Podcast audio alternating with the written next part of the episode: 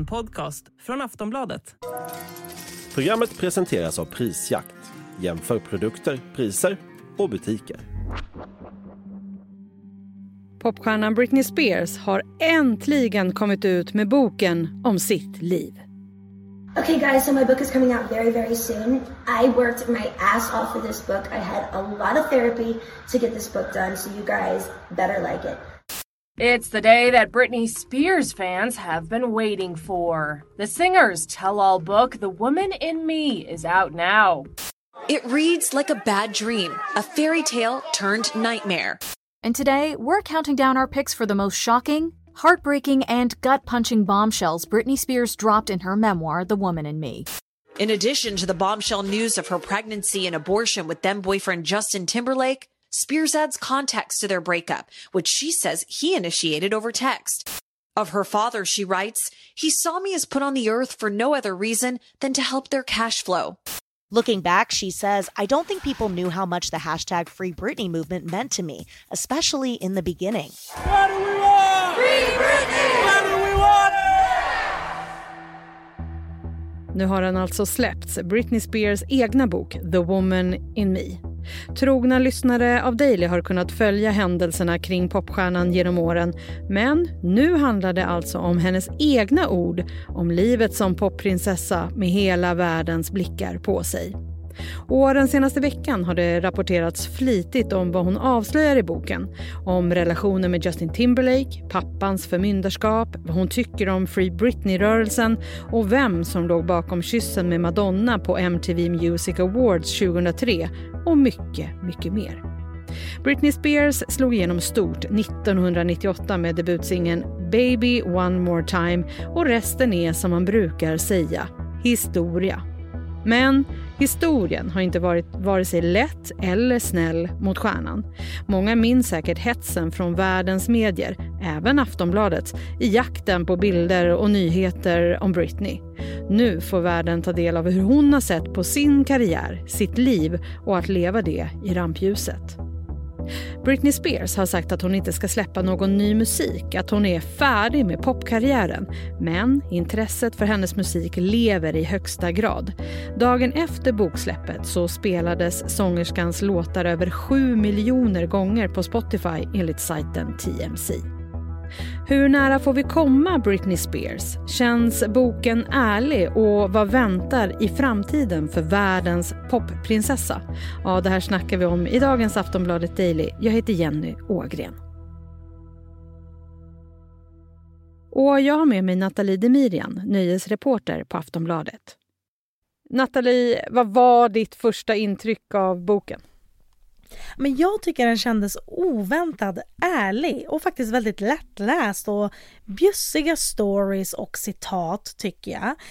Um, jag menar den som har försökt ta sig igenom Britney Spears ja men typ obegripliga, nästan oläsliga Instagram captions vet ju att det kan vara liksom väldigt rörigt att förstå vad det är hon menar och egentligen skriver. Men så är det inte i det här fallet för att ja, men enligt uppgifter så har hon ju haft en spökskrivare här. Det kan ju förklara saken. Eh, men ja, nej, lättläst, gick fort att ta sig igenom den här boken. Eh, och något som jag tycker är väldigt talande för bjussigheten i det hela är ett citat jag kan bjuda på hur, hur boken är.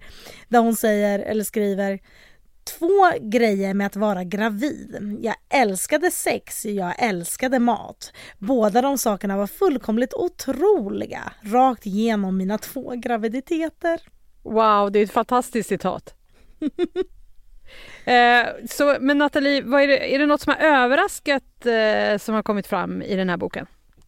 Ja, men en riktig bomb av, av många då, men en sån här wow, det var att hon skriver om när hon gjorde abort när hon var tillsammans med Justin Timberlake. När de var omkring 19 år gamla. Och det var för att han inte var redo för barn och tyckte att de var för unga. Och hon ville då inte tvinga på honom ett barn han inte ville ha. Så hon gick med på att genomföra en extremt smärtsam hemmaabort trots att hon faktiskt själv ville behålla det här barnet. Och det är ju väldigt starkt det här när hon skriver om det. Vet man om Justin har kommenterat det här ännu? Han har inte kommenterat den biten. Det är lite källor som är ute och säger att Justin har bara kärlek för Britney men hade hoppats på att hon bara kan släppa och gå vidare vad de har varit igenom, att det är jobbigt för honom att saker ska komma upp så här många år senare igen. Eh, men det är inte hans egna ord utan det är, det är olika källor kring honom. Ja, och Nathalie, du var inne på att den känns eh, liksom ärlig och sådär. Så hur mycket av det som skrivs i boken känns som att det faktiskt kommer från Britney själv? Jag hade faktiskt förväntat mig att det skulle kännas som att det inte alls kom från Britney men jag tycker faktiskt att det känns som att det gör det. Alltså det är ju som sagt det är betydligt mer polerat språk än om hon inte hade haft en spökskrivare men det känns ändå som hon och man känner liksom att det är hon som gnäller över familjen, exen, folk i branschen och så. Ja men faktiskt, man känner, man känner det. Eller så lyckas de bara lura en att det är, är Britney men det, jag tycker det känns som det. Ja, och av det som kommer fram så känns det ändå som att hon har ganska mycket rätt att, att gnälla över folk. Eh, mm. Och den här senaste tiden nu så har det ju skrivits hur mycket som helst om allt ifrån boken. Kan du berätta nu lite för oss, vad är det hon skriver om? Ja, mycket av det läckte ju faktiskt ut innan boken ens släpptes släpptes. Eh, det talar ju väldigt mycket för intresset kring den här boken. Jag skulle säga att väldigt mycket handlar om Justin Timberlake och åren med honom. Aborten som jag nämnde men också att han var otrogen mot henne flera gånger och att hon var otrogen tillbaka mot honom en gång när hon hånglade med en annan man. Hon avslöjar också att han gjorde slut med henne på sms och berättade om hur förkrossad hon var för att hon älskade verkligen Justin Timberlake. Och allt det där eh, också som hon har pratat om nu, som har pratats om mycket i, generellt i mediebranschen senare år, är hur hon liksom blev slampa eh, med hela världen nästan och han bara kunde glida igenom allting. Det är någonting som hon tar upp mycket i den här eh, boken också. Så väldigt mycket mera om Justin och massa detaljer om en massa olika saker. Men också såklart eh, så skriver hon mycket om förmyndarskapet och vilket helvete hon har gått igenom med sina föräldrar. Och också tiden med badboyen som hon beskriver honom som, Kevin Federline och hur otroligt dåligt deras äktenskap också var. Eh, och hon går också igenom en massa olika olika skandaler som en gång i tiden var en stor grej i pressen. Så jag tycker ändå att det liksom om vi pratar om olika bitar eh, i karriären eller saker som har hänt henne så tycker jag att hon får med det allra mesta men kanske inte alltid så utförligt som man hade hoppats. Otroligt att eh, Kevin Federline eh, framställs som en bad boy. Oväntat va? Ja. Eh, men eh, de här turbulenta åren nu då med förmyndarskapet, hon rakade ju av sig sitt hår och så var det ju den här Free Britney-rörelsen. Får man svar här i boken på vad som faktiskt hände? Ja, på en hel del i alla fall faktiskt. Och det är inte så himla lätt att sammanfatta. Men, men man kan säga att hela förmyndargrejen startade, eller hon gick med på det i början eh, hur det gick till och så för sina barns skull, för att kunna få vara med dem. Men sen ska hela den här grejen då ha spårat ur fullkomligt. Hon beskriver sin pappa som en tyrann verkligen. Det är absolut inte snälla ord hon eh, skriver om den mannen. Hon berättar om hemska saker hon har behövt gå igenom under de här åren med förmyndarskapet och det, det är många sidor om, om det och olika händelser kring det. Och sen raka håret eh, händelsen var ju en sån himla stor grej back in the days och en grej man fortfarande minns väldigt mycket än idag. Och hon förklarade med att hon blev jagad av paparazzis efter att Kevin Federline vägrat släppa in henne hemma för att träffa sina barn. Att hon liksom var utom sig av sorg och sen fick hon bara det här infallet och göra det här för att det var hennes sätt att säga fan ta er. Eh, och att liksom, ja, hennes sätt att bara skrika ut någonting till världen. Eh, det är lite kort sammanfattat om den händelsen och sen om Free Britney skriver hon en hel del om också. Men främst så uttrycker hon sin tacksamhet där skulle jag säga. Vi ska snart prata mer med Nathalie. Vi tar en kort paus. Ryan Reynolds here from Mint Mobile. With the price of just about everything going up during inflation, we thought we'd bring our prices down. So to help us, we brought in a reverse auctioneer, which is apparently a thing. Mint Mobile unlimited premium wireless. Ready to get 30, 30, bit to get 30, bit to get 20, 20, 20, bit to get 20, 20, bit to get 15, 15, 15, 15 just 15 bucks a month. So, Give it a try at mintmobile.com/switch. slash $45 up front for 3 months plus taxes and fees. Promo rate for new customers for limited time. Unlimited more than 40 gigabytes per month slows. Full terms at mintmobile.com. Nathalie, du var inne lite på det här i början med att det är ganska omöjligt att förstå hennes Instagram. Eh, men där har hon ju också valt att publicera ganska lättklädda bilder eh, och nakna bilder när hon dansar och lite annat. Så här. Eh, hon har också förklarat varför hon gör det, eller hur?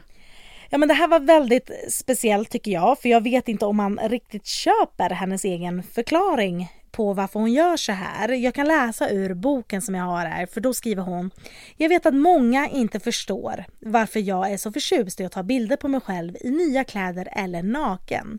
Men jag tror att om de hade fotograferats av andra tusentals gånger och fått inta poser som andra bestämt så skulle de fatta att jag blir glad över att posera på sätt som jag tycker är sexiga. Att själv ta bilderna och göra vad jag vill med dem. Jag föddes naken och det känns ärligt talat som jag har burit hela världen på mina axlar. Jag ville se mig själv som lättare och friare. Som spädbarn hade jag hela livet framför mig och det är så jag känner nu. Som ett oskrivet blad. Oj, otroligt. Ja, så ja.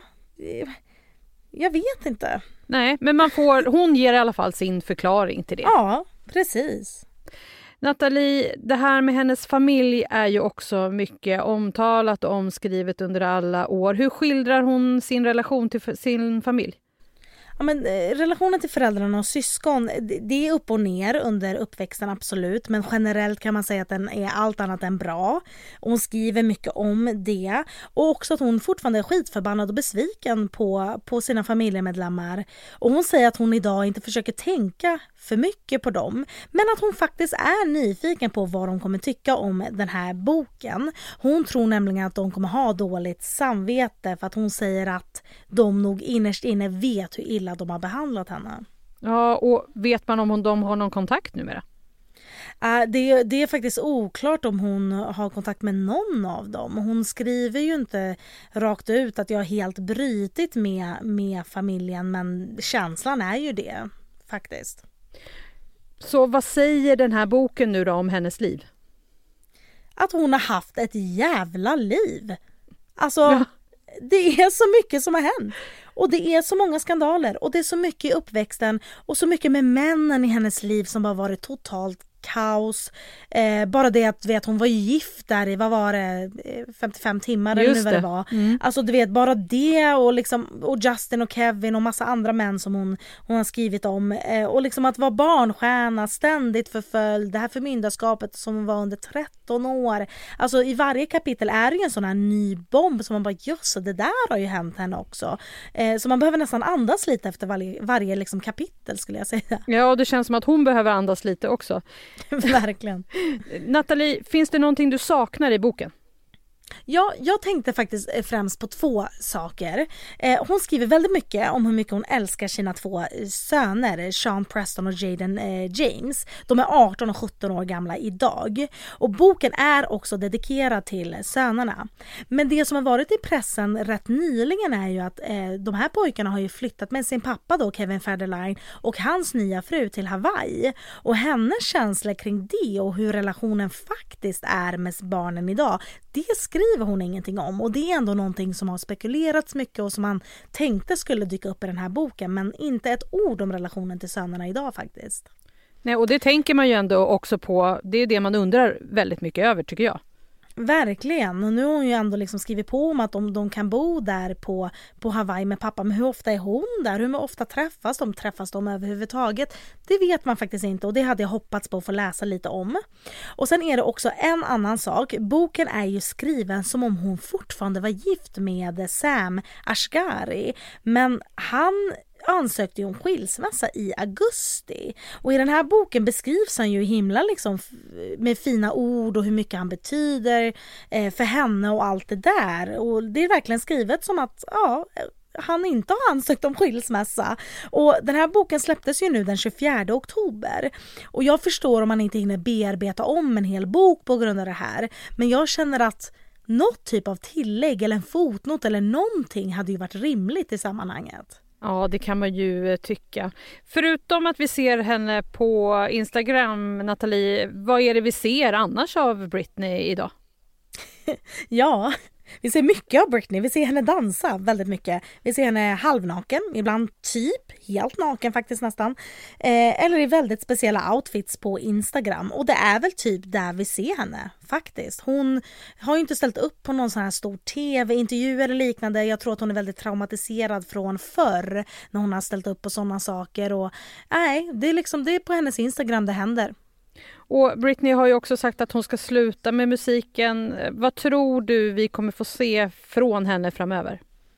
Jag tror faktiskt inte att hon kommer sluta med musiken. Hon har ju till exempel skrivit på till exempel Instagram då att hon har, hon har slutat i branschen. Men så släppte hon ju ändå till exempel ett låtsamarbete med Elton John. Så det där tror jag kommer fortsätta, att hon kommer att eh, ja, men fortsätta få olika erbjudanden och inte kunna täcka nej till dem i framtiden. Så jag vet liksom inte om hon faktiskt är så klar med musikbranschen som hon skriver att hon är. Men ja, annars, hur kommer vi se henne framöver? Är det ja, nakenvideor på Instagram kanske fortsatt ett tag till eller för alltid? Jag har ingen aning. Vi får se helt enkelt. Eh, Nathalie, tack för idag. Tack så mycket. Sist här Nathalie Demirian, nöjesreporter på Aftonbladet. Jag heter Jenny Ågren och du har lyssnat på Aftonbladet Daily. Vi hörs snart igen. Hej!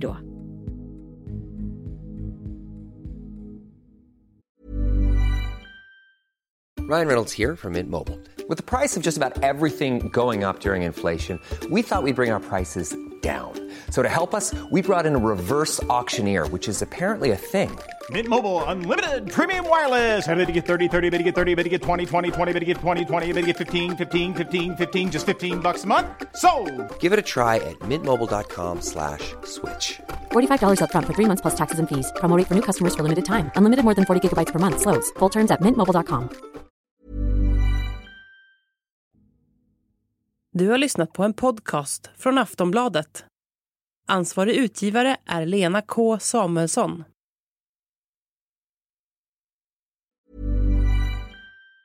Tired of ads barging into your favorite news podcasts?